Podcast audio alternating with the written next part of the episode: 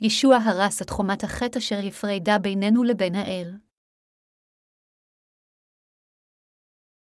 אל האפסאים 2.211-22 על כן זכרו כי אתם מתחילה הגבוהים בבשר הנקראים ערלים בפי הנקראים בני המילה שהיא מעשה ידיים בבשרה כי אתם בעת ההיא הייתם בלי משיח זרים מעדת ישראל ונחרים לבריתות ההבטחה באין תקווה ובאין לכם אלוהים בעולם ועתה בישוע המשיח אתם הרחוקים מאז הייתם קרובים בדם המשיח כי הוא שלומנו אשר עשה השניים, אחד והרס מחיצת הגעדה.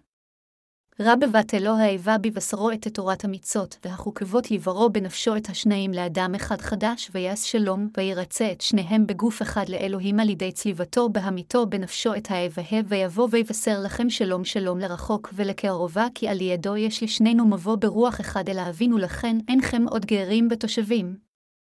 כבני עירם של ההקדשים ובני בית אלוהים אתם בנויים על יסוד השליחים והנביאים, וישוע המשיח הוא אבן הפינהה אשר חובר בו יחד הבניין כולו עד אשר ייגבה להיכל קודש ליהואה, ובו נבנים גאמתם להיות משכן אלוהים ברוח. האם זה הודות לאדון שאנו נשטפנו מכל חטאינו?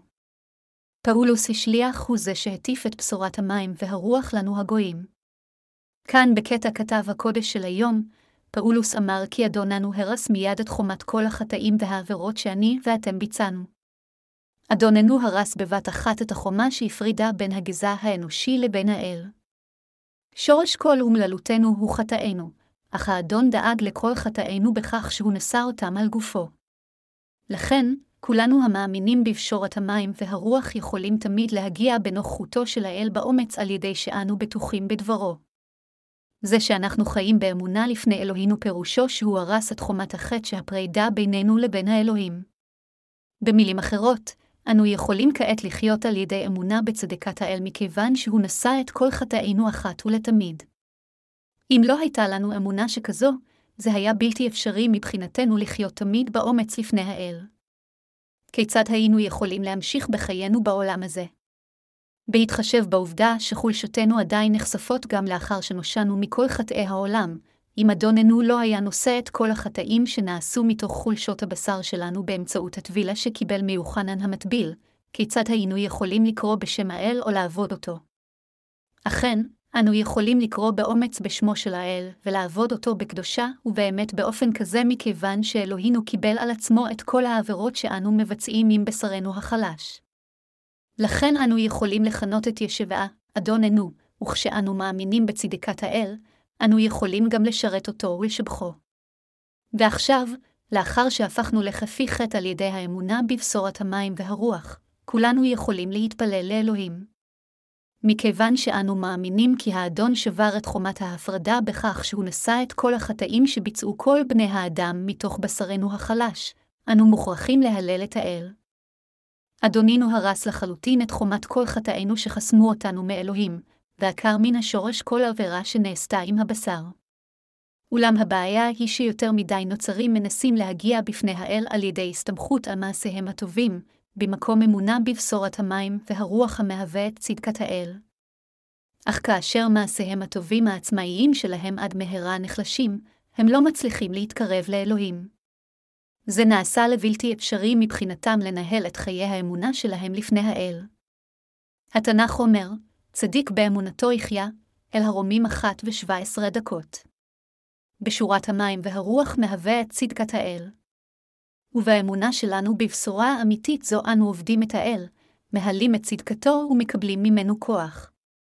האדון יודע טוב היטב עד כמה אנו חלשים מכיוון שהוא עצמו חווה באופן אישי את חולשותינו האנושיות.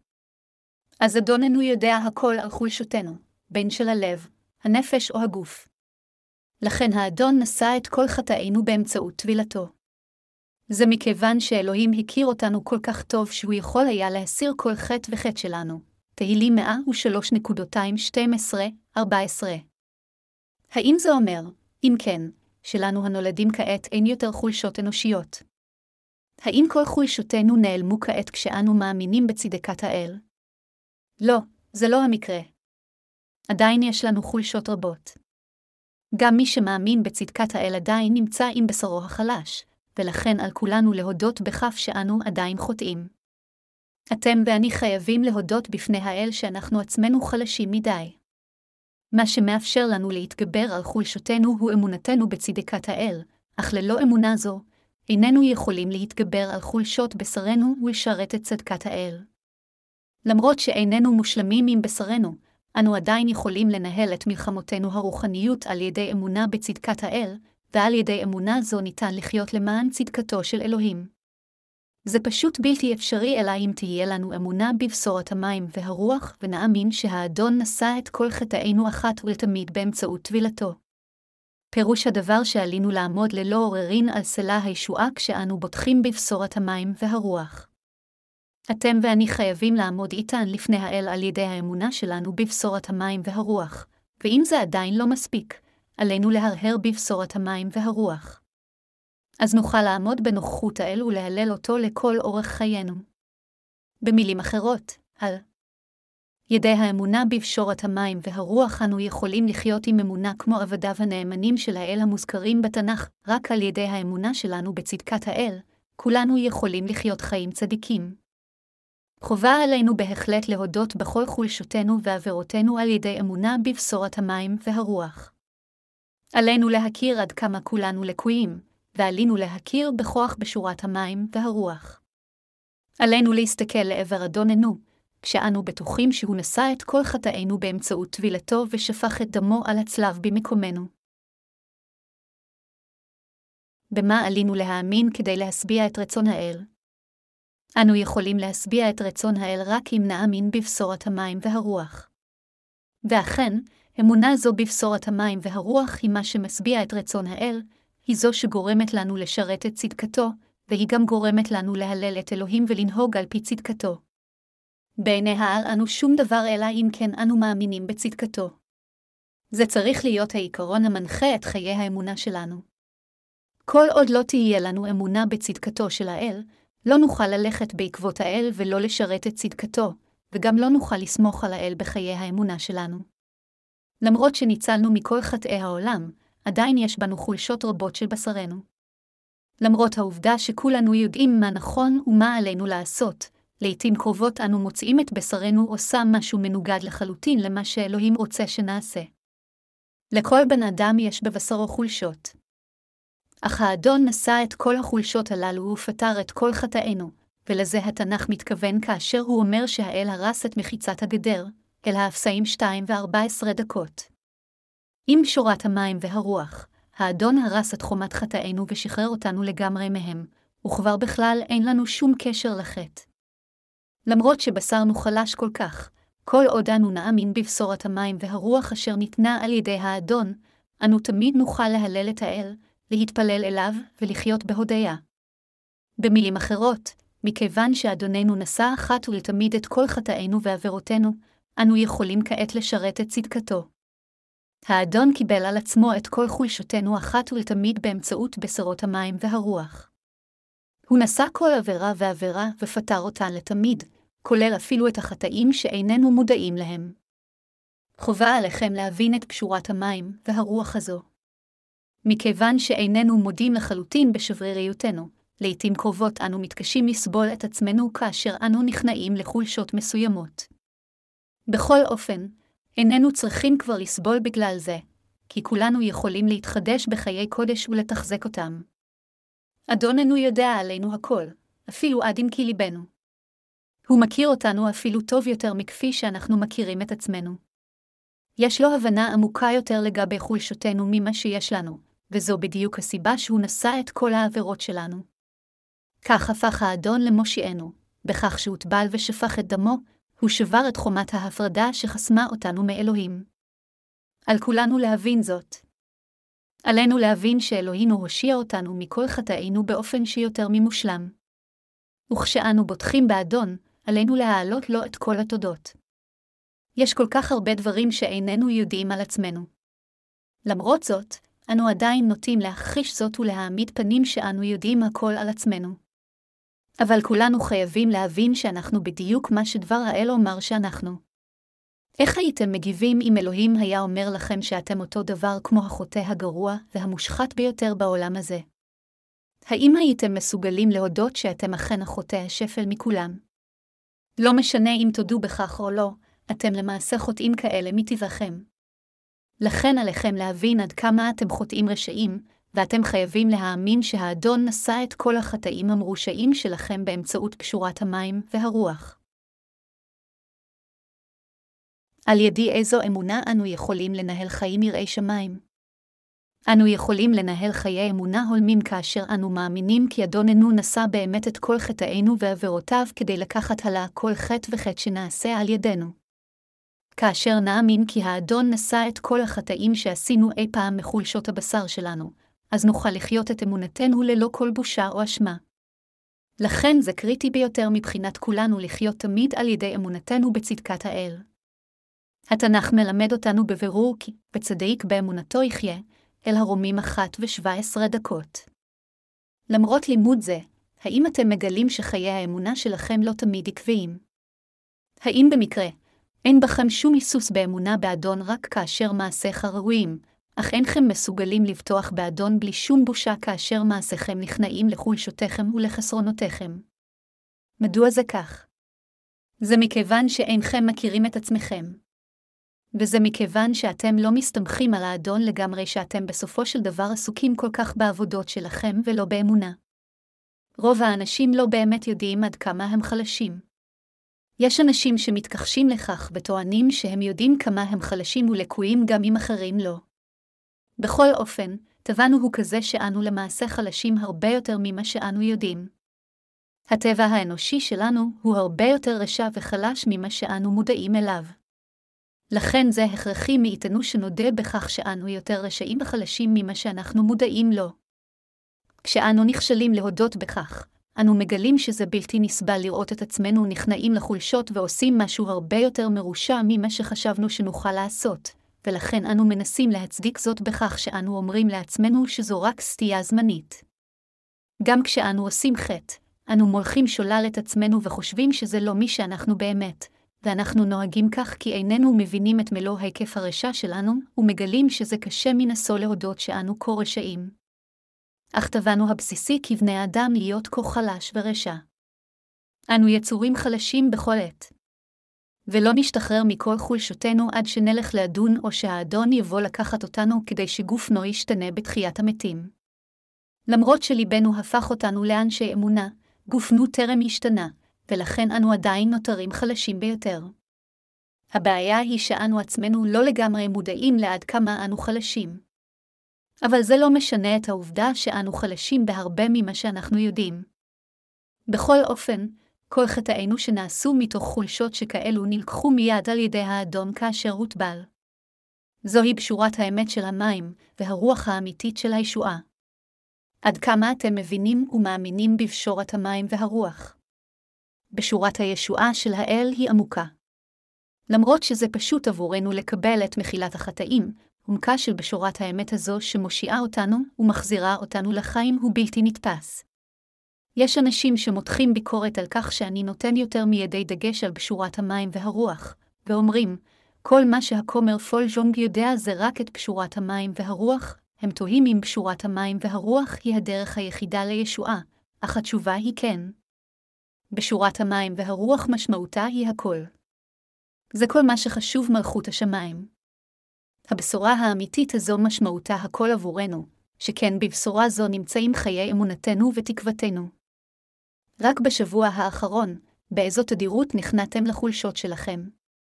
בכל פעם שאנחנו נקלעים לחולשה, אנו נוטים לחשוב שזה לא העשייה שלנו, ואומרים לעצמנו, למה אני כל כך חלש כשזה לא באופי שלי? למה עשיתי דברים מרושעים כאלה? זה מכיוון שיש לנו יותר מדי ציפיות מבשרנו שאנו מתקשים כל כך להכיר בדיוקן העצמי שלנו שאינו מחמיא כל כך. אבל במציאות, מה שבשרנו החלש עושה זו ההשתקפות המדויקת של הטבע האמיתי שלנו. עם זאת, לא משנה מה הנסיבות שלנו ואילו חולשות יש לנו, כולנו יכולים להתגבר עליהם על ידי ביטחון באדון. הסיבה לכך היא שהאדון הרס לחלוטין כל חומה של הפרדה שחסמה אותנו מהאל. האדון נשא את כל חטאינו. באמצעות טבילתו הוא נשא כל חטא וחטא שאנו עושים עם בשרנו מתוך חולשותנו. זוהי בשורת האמת של המים והרוח. ואנו הנולדים מחדש חייבים להאמין באמת זו, ולעמוד בלא עוררין על אמונה זו. כל אלה המכירים ומאמינים בבשורה המושלמת של המים והרוח, על ידי האמונה הם מנקים את מצפונם. במילים אחרות, על ידי האמונה, מי שיש לו את הבשורה המושלמת הזו, הוא שוטף את כל החטאים שבוצעו עם בשרו ומעשיו. כתוב, אוכל הנעושה מנבלתם, יכבס בגדיו וטמא עד הערב, ויקרא 11-25. התנ"ך לעתים קרובות משתמש בשטיפת בגדים טמאים כדי להמחיש את שטיפת החטאים.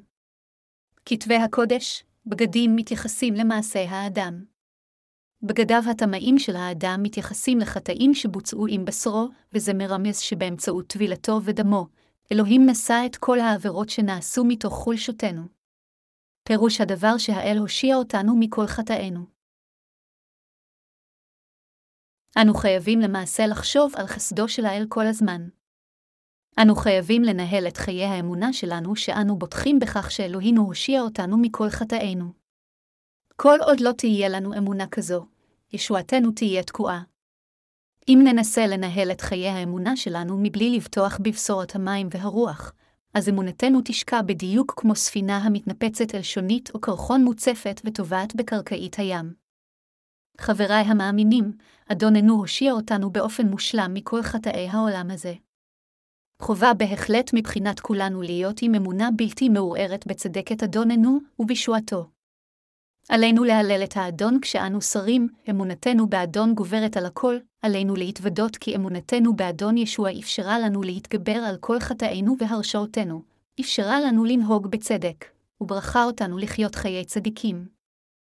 זה עד כדי כך חשוב שתהיה לנו אמונה בבשורת המים והרוח. וזה בדיוק עד כמה אנו מבורכים כשאנו מאמינים בבשורה האמיתית הזו. לא משנה איזו דוקטרינה נוצרית אתם מכירים כרגע, זה לא מה שחשוב, אלא למעשה האמונה בבשורת המים והרוח זה מה שחשוב באמת. אנו הקדושים שנושאו מחטאי העולם, וכאשר אנו מתאחדים עם כנסיית האל, אנו משתחררים מכל העבירות המטביעות אותנו בעולם הזה, וכך אנו יכולים לחדש את כוחנו, להלל את האדון ולקבל ברכות מאלוהים בחיינו. בכל אופן, עמנו הקדושים לא נצליח לאחד את עצמנו עם הכנסייה גם לאחר קבלת פשורת המים והרוח, אז לא רק שנהיה כרוכים אחר חולשותנו, אלא גם השטן יקשור אותנו לחלוטין עם חטא, וכתוצאה מכך לא נהיה חופשיים, לא נוכל להלל את אלוהים ולא לרוץ אליו באומץ. בסופו של דבר, האמונה שלנו תפשוט רגל. ומה אם לא זוהי הקללה הרוחנית? אני יודע היטב עד כמה כולנו חלשים. וכשאני קורא את התנ"ך אני רואה שהאדון מכיר אותי הרבה יותר טוב ממני. אז אני נאלץ להאמין שבאמצעות פשורת המים והרוח, האדון נשא את כל החטאים והעבירות שנעשו מחולשות הבשר שלי.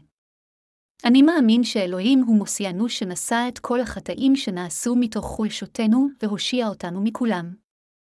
מכיוון שאדוננו למעשה הושיע אותנו על ידי כך שהוטבל בידי יוחנן המטביל והשליך את דמו על הצלב, אני מוכיח אתכם לא לפחד מאף כוח של רשע של העולם הזה, אלא לחיות באומץ על ידי אמונתכם בצדקת האדון. אם נהיה מאוחדים יחדיו באמונה זו ונחושים להתמודד עם כל ניסיונות חיינו על ידי אמונה זו, האושר האמיתי אכן יגיע לכולנו. בכל אופן, אם נכשל בלחיות את אמונתנו כשאנו בוטחים בבשורת המים והרוח, אז ספינת האמונה שלנו ללא ספק תשקע.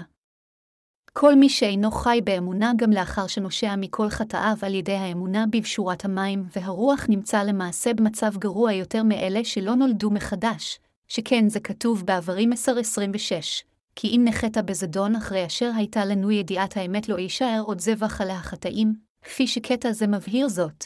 אנו ללא ספק נגבעה מבחינה רוחנית אם נאבד את אמונתנו לאחר קבלת מחילת החטאים על ידי האמונה בבשורת המים והרוח. במילים אחרות, כל עוד לא נשכון בכנסיית האל ונקשיב לדברי האמונה שלה, אנו נעמוד בפני הרס רוחני. אם אנו הצדיקים לא נתאחד עם כנסיית האל, אז אנו נובס על ידי השטן גם כאשר נדע שאלוהינו הושיע אותנו מכל חטאינו. בקיצור, אם ניכשל בהגנה על אמונתנו בבשורת המים והרוח עד הסוף, נהפוך בסופו של דבר למשרתי השטן. לכן, חברי המאמינים, בכל פעם שנגלה את חולשתנו בחיי היומיום שלנו, אנו חייבים להתגבר עליהן על ידי האמונה בבשורת המים והרוח. אחרת, אם ניכנע לחולשותנו ולא נצליח להשתחרר מעבירותינו באמצעות אמונתנו בבשורת המים והרוח, ללא ספק נובס על ידי השטן. עתה לאחר שקיבלנו את מחילת החטאים, זו באמת ברכה בשבילנו לשכון בכנסיית האל בחיי היומיום שלנו. חיים מבורכים שכאלו גורמים לנו להיות תמיד נועזים וחזקים, משחררים אותנו לחלוטין מכל מה שקושר את ליבנו, ומביאים אלינו את כל ברכות האל. אין שום אובדן לנשמתנו או לעצמנו כאשר אנו מקבלים את מחילת חטאים ומאחדים את עצמנו עם כנסיית האל. אם תחשבו במונחים גשמיים, אז תטו להרגיש כאילו זה יהיה הפסד מסוים אם תתאחדו עם כנסיית האל. כאשר קדוש אשר יתאחד עם הכנסייה מסתכל על מישהו שלא עשה זאת, הקדוש הנאמן הזה עשוי לתהות שמה הוא מנהל חיים מטופשים. בכל אופן, חברי הקדושים, לעולם אין זה הפסד להיות מאוחדים עם כנסיית האל. עבור כל מי שמאמין בבשורת המים והרוח, זו למעשה ברכה גדולה לאמונתו להתאחד עם כנסיית האל ולהיות ניזון מהלחם הרוחני שלה. לא סובלים משום אובדן כשאתם משקיעים את זמנכם בהקשבה לדבר האל וחולקים אחווה בכנסייה, כי זה רק מחזק נשמתכם. רחוק מלהביא הפסד כלשהו, זה יביא יתרונות אדירים ללבכם. כתוב במתי 4.24, לא עלה עליכם לבדבו יחיה האדם כי על קל מוצא פי הורה, אם היינו עוזבים את הכנסייה אפילו לאחר שקיבלנו את מחילת החטאים באמצעות פשורת המים והרוח, רק כדי בסופו של דבר להיות במקום מוטעה במקום לחיות את חיי האמונה שלנו. אז ללא ספק כולנו היינו כה עסוקים בלעשות אין ספור חטאים. בניגוד לכך, אם תבואו לכנסייה כדי להקשיב לדבר האל, לחלוק אחווה עם קדושים אחרים ולהתפלל לאלוהים, נשמתכם תטען ותתרענן מחדש, ותאפשר לכם לבצע את עבודתכם הרוחנית בשקדנות ובנאמנות. כך שלמעשה יהיה מאוד מועיל מבחינתכם לשכון בכנסיית האל. כשאתם מגיעים לפני האל וחיים באמונה, זה מביא אך ורק יתרונות לחיים שלכם, זה אף פעם לא הפסד. אמונתנו בצדקת האל מביאה אך ורק רווחים. כמובן, יש אנשים שאינם מבינים זאת ומתלוננים על כך שחייהם נהרסו ושום דבר לא הושג כתוצאה מהאמונה בישוע, אך עליכם להבין כאן בבירור כי זו השקפה קצרת ראייה הנובעת מחוסר יכולתו של האדם לראות כל דבר אחר חוץ ממה שנמצא לנגד עיניו. רק בגלל שאיננו רודפים אחר עניינינו הגשמיים, מיד נראה שהם משתבשים. יתרה מכך, מכיוון שנולדנו מחדש, גם הנסיבות שלנו השתנו, ולוקח לנו זמן להסתגל לסביבה החדשה שלנו. חלקנו אולי שינו את מקום עבודתם, בעוד שאחרים עשויים להתאים את עצמם לשינויים דרסטיים עוד יותר. תקופת הסתגלות זו יכולה להיות די קשה ומתסכלת. בכל אופן, אם נחפש בסבלנות דברים רוחניים, בבוא העת נקבל גם שפע ברכות חומריות. ברגע שנקבע את מחשבותינו על עבודת הרוח, אנו ללא ספק נחיה חיים משגשגים בהרבה מזו שחיינו כאשר הלכנו אחר הבשר, בדיוק כפי שאומר דבר האל, אך דירסו בראשונה את מלכות אלוהים ואת צדקתו, ונוסף לכם כאלה. מתי ששלושים ושלוש. זוהי תועלת ענקית בשבילכם להאמין בישוע ולחיות את חיי האמונה שלכם. אין דבר שמביא יותר תועלת מחיינו מאשר האמונה באדון. אין דבר על הפלנטה הזו מבורך ומועיל לנו יותר מאשר לקבל את הישועה שלנו ולחיות את אמונתנו בחריצות. כעת, לאחר שנושענו מכל חטאינו, חיי האמונה שלנו והליכה אחר האדון מועילים ביותר לכולנו בגוף וברוח. האם גם אתם מאמינים כך? מכיוון שהבשורה שאנו מאמינים בה היא בשורת האל, אנו אף פעם לא מתעפים ממנה גם אם אנו מדברים עליה כל יום. גם אם היינו מבלים את כל ימי חיינו בדיבור על בשורת המים והרוח, לא היינו יכולים לדבר על כל נפלאותיה. חיי האמונה שלנו אינם רק עניין של פעילות גופנית אינטלקטואלית. ההפך, הם עניין רוחני, ולכן האמונה היא מה שחשוב באמת. האמונה גדלה רק על ידי הקשבה לדבר האל. לכן, כעת, לאחר שקיבלנו את מחילת החטאים והגענו לישועתנו, ככל שנקשיב יותר לדבר האל בחיי האמונה שלנו, כך אמונתנו תתחזק. אחרת, אם ניכשל בשמיעת דברו ולא למשך שבוע בלבד, זה ידרדר את מצב ליבנו ונשמתנו. לכן זה כל כך חשוב שצדיקים יקשיבו לדבר האל כל יום. אף על פי שעבודת האל אינה נראית בעיני החוטאים, לצדיקים יש את ריבונות האל בליבם ובחייהם. זה נכון שלפעמים ליבנו שמח ובהיר, אך חשוך בזמנים אחרים. למרות שלא ניתן להראות את ריבונות האמונה כמו בעולם הגשמי, יש למעשה ריבונות רוחנית. אנו יכולים לראות במו עינינו ולוודא בלבנו שאכן אנו שמחים כאשר אנו מקשיבים לדבר האל בכנסייתו, אך נובלים בסופו של דבר אם אנו לא מגיעים לכנסייה ולא מקשיבים לדבר האל. אלה הרוחניים יכולים לנהל חיים אלוהיים רק כאשר ליבם חי באמונה. אם האמונה בליבנו מתכלה, אז עצם קיומנו מת גם אם אנו חיים באופן פיזי. האדון אומר כי כל מי שאינו בעל רוח רוחנית הוא כמו חיה גוועת.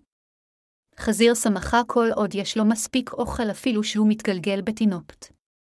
ברורה העובדה שברגע שהוא יהיה שמן מספיק, הוא ייגרר לבית המטבחיים ויהרג. כמו החזיר חסר המושג הזה, מי שלא מכוון את תכליתו לעבודה רוחנית ומסתפק רק אם צרכיו הבסיסיים נענים, בסופו של דבר הוא ייגרר לבית המטבחיים הנצחי של הגיהינום על מנת לסבול ללא סוף. כולכם חייבים להבין שלחיי האמונה שלכם אין לחלוטין שום חסרון. אבל השטן מנסה להוליך אותנו שולל כדי שנחשוב אחרת, לעתים קרובות על ידי ציטוט שגוי מכתבי הקודש. למשל, כאשר אנו פונים אל האיגרת הראשונה ליוחנן, אנו רואים את התנ"ך אומר, אתם המשחה אשר קיבלתם מאיתו עומדת בכם, ולא תצטרכו לאיש שילמד אתכם, כי אם כאשר תלמדכם המשחה לכל דבר, הוא האמת ולא שקר, וכאשר לימדה אתכם כן תעמדו בו. הראשונה ליוחנן 2.27. השטן מעוות את הקטע הזה כדי ללכוד אותנו ואומר לנו, אינכם צריכים יותר לבקר בכנסייה. אף אחד כבר לא צריך ללמד אתכם מכיוון שרוח הקודש מלמד אתכם, למרות שכולנו מאמינים בבשורת המים והרוח. חלק מאיתנו אינם בוגרים מבחינה רוחנית ופגיעים במיוחד למלכודת כזו. בכל אופן, חברי המאמינים, רוח הקודש פועלת באמצעות הכנסייה. רוח הקודש פועלת תמיד דרך כנסיית האל. היא אף פעם לא פועלת לבדה. ואולם השטן מנסה לנטוע מחשבות מוטעות שכאלו בצדיקים כדי לטרוף אותן. מה אם כן לגביכם? האם באמת התברכתם בשטיפת כל חטאיכם על ידי האמונה בבשורת המים והרוח? אל האפסאים 2 ו-14 דקות אומר, כי הוא שלומנו אשר עשה השניים אחד והרס מחיצת הגדר, זה שאלוהים הרס את חומת הגדר פירושו שבאמצעות הטבילה שקיבל ישוע מיוחנן המטביל, הוא נשא את כל החטאים שנעשו מבשרנו החלש. התנ"ך ממשיך ואומר באל האפסאים 2 ו-15 דקות כי האדון, בבטלו האיבה בבשרו את תורת המצות והחוקבות לברו בנפשו את השניים לאדם אחד חדש ויעש שלום, לפני שנולדנו מחדש, כולנו היינו אויבי האל. מדוע? זה מכיוון שלא היינו מסוגלים לקיים את מצוות האל. עם זאת, אדוננו ביטל את תורת המצוות בכך שהוא הוטבל וכך נשא את כל חטאי העולם על גופו. בשרו של ישוע ודמו מעידים על כל התנ"ך, למרות שפאולוס השליח דיבר לעתים קרובות על דמו של ישוע, הוא גם שם דגש רב על בשרו. זה שישוע ביטל את כל חטאינו בבשרו פירושו שהוא לקח את כולם דרך גופו ודמו. פירוש הדבר, במילים אחרות, שישוע הקריב את גופו על הצלב ככפרה משום שהוא נשא את כל חטאינו על בשרו. זו הסיבה שישוע הוטבל על ידי יוחנן המטביל ושפך את דמו על הצלב כדי להיות מורשע במקומנו. במקום שנמות על חטאינו, ישוע קיבל אותם אחת ולתמיד בכך שהוא הוטבל, וכך הוא מת במקומנו. כתוב בנוסף באל האפסאים 2 ו-15 דקות, בנפשו את השניים לאדם אחד חדש ויעש שלום, אנו היינו מופרדים מאלוהים תחת תורת מצוותיו, אך באמצעות ישועת ישוע המשיח, כלומר באמצעות בשרו ודמו, אדוננו הפך אותנו ליצורים חדשים ופייס בינינו לבין האלוהים. התנ"ך ממשיך ואומר, וירצה את שניהם בגוף אחד לאלוהים על ידי צליבתו בהמיתו בנפשו את האיבה, ויבוא ויבשר לכם שלום שלום לרחוק ולקרבה, כי על ידו יש לשנינו מבוא ברוח אחד אל האבינו לכן אינכם עוד גרים ותושבים כבני עירם של הקדשים, ובני בית אלוהים אתם. אל האפסאים 2.216-19 כולנו אשר קיבלנו את מחילת חטאים, אנו משפחתו של אלוהים. כחברים בכנסיית האל, אנו אחים ואחיות זה לזה. ואכן, אנו קרובים יותר זה לזה אפילו יותר מאחינו בבשר. אנו מוקירים זה את זה יותר מאחינו ואחיותינו. הדאגה שיש לנו כלפי עמיתינו המאמינים שנולדו מחדש גדולה יותר ממה שיש לנו אפילו להורים הביולוגיים שלנו, ואנחנו מוכירים אחד את השני יותר מכל אחד אחר בעולם. אכפת לנו זה מזה יותר מכל אחד מההורים הביולוגיים שלנו ככה כי כל אחינו ואחיותינו הרוחניים הם משפחה אחת. ואכן, מי שמכונה אח או אחות במשיח הוא מבורך מאוד, כי זהו תואר מכובד ביותר. התנ"ך אומר שאנו בנויים על יסוד השליחים והנביאים, אל האפסאים 2.20.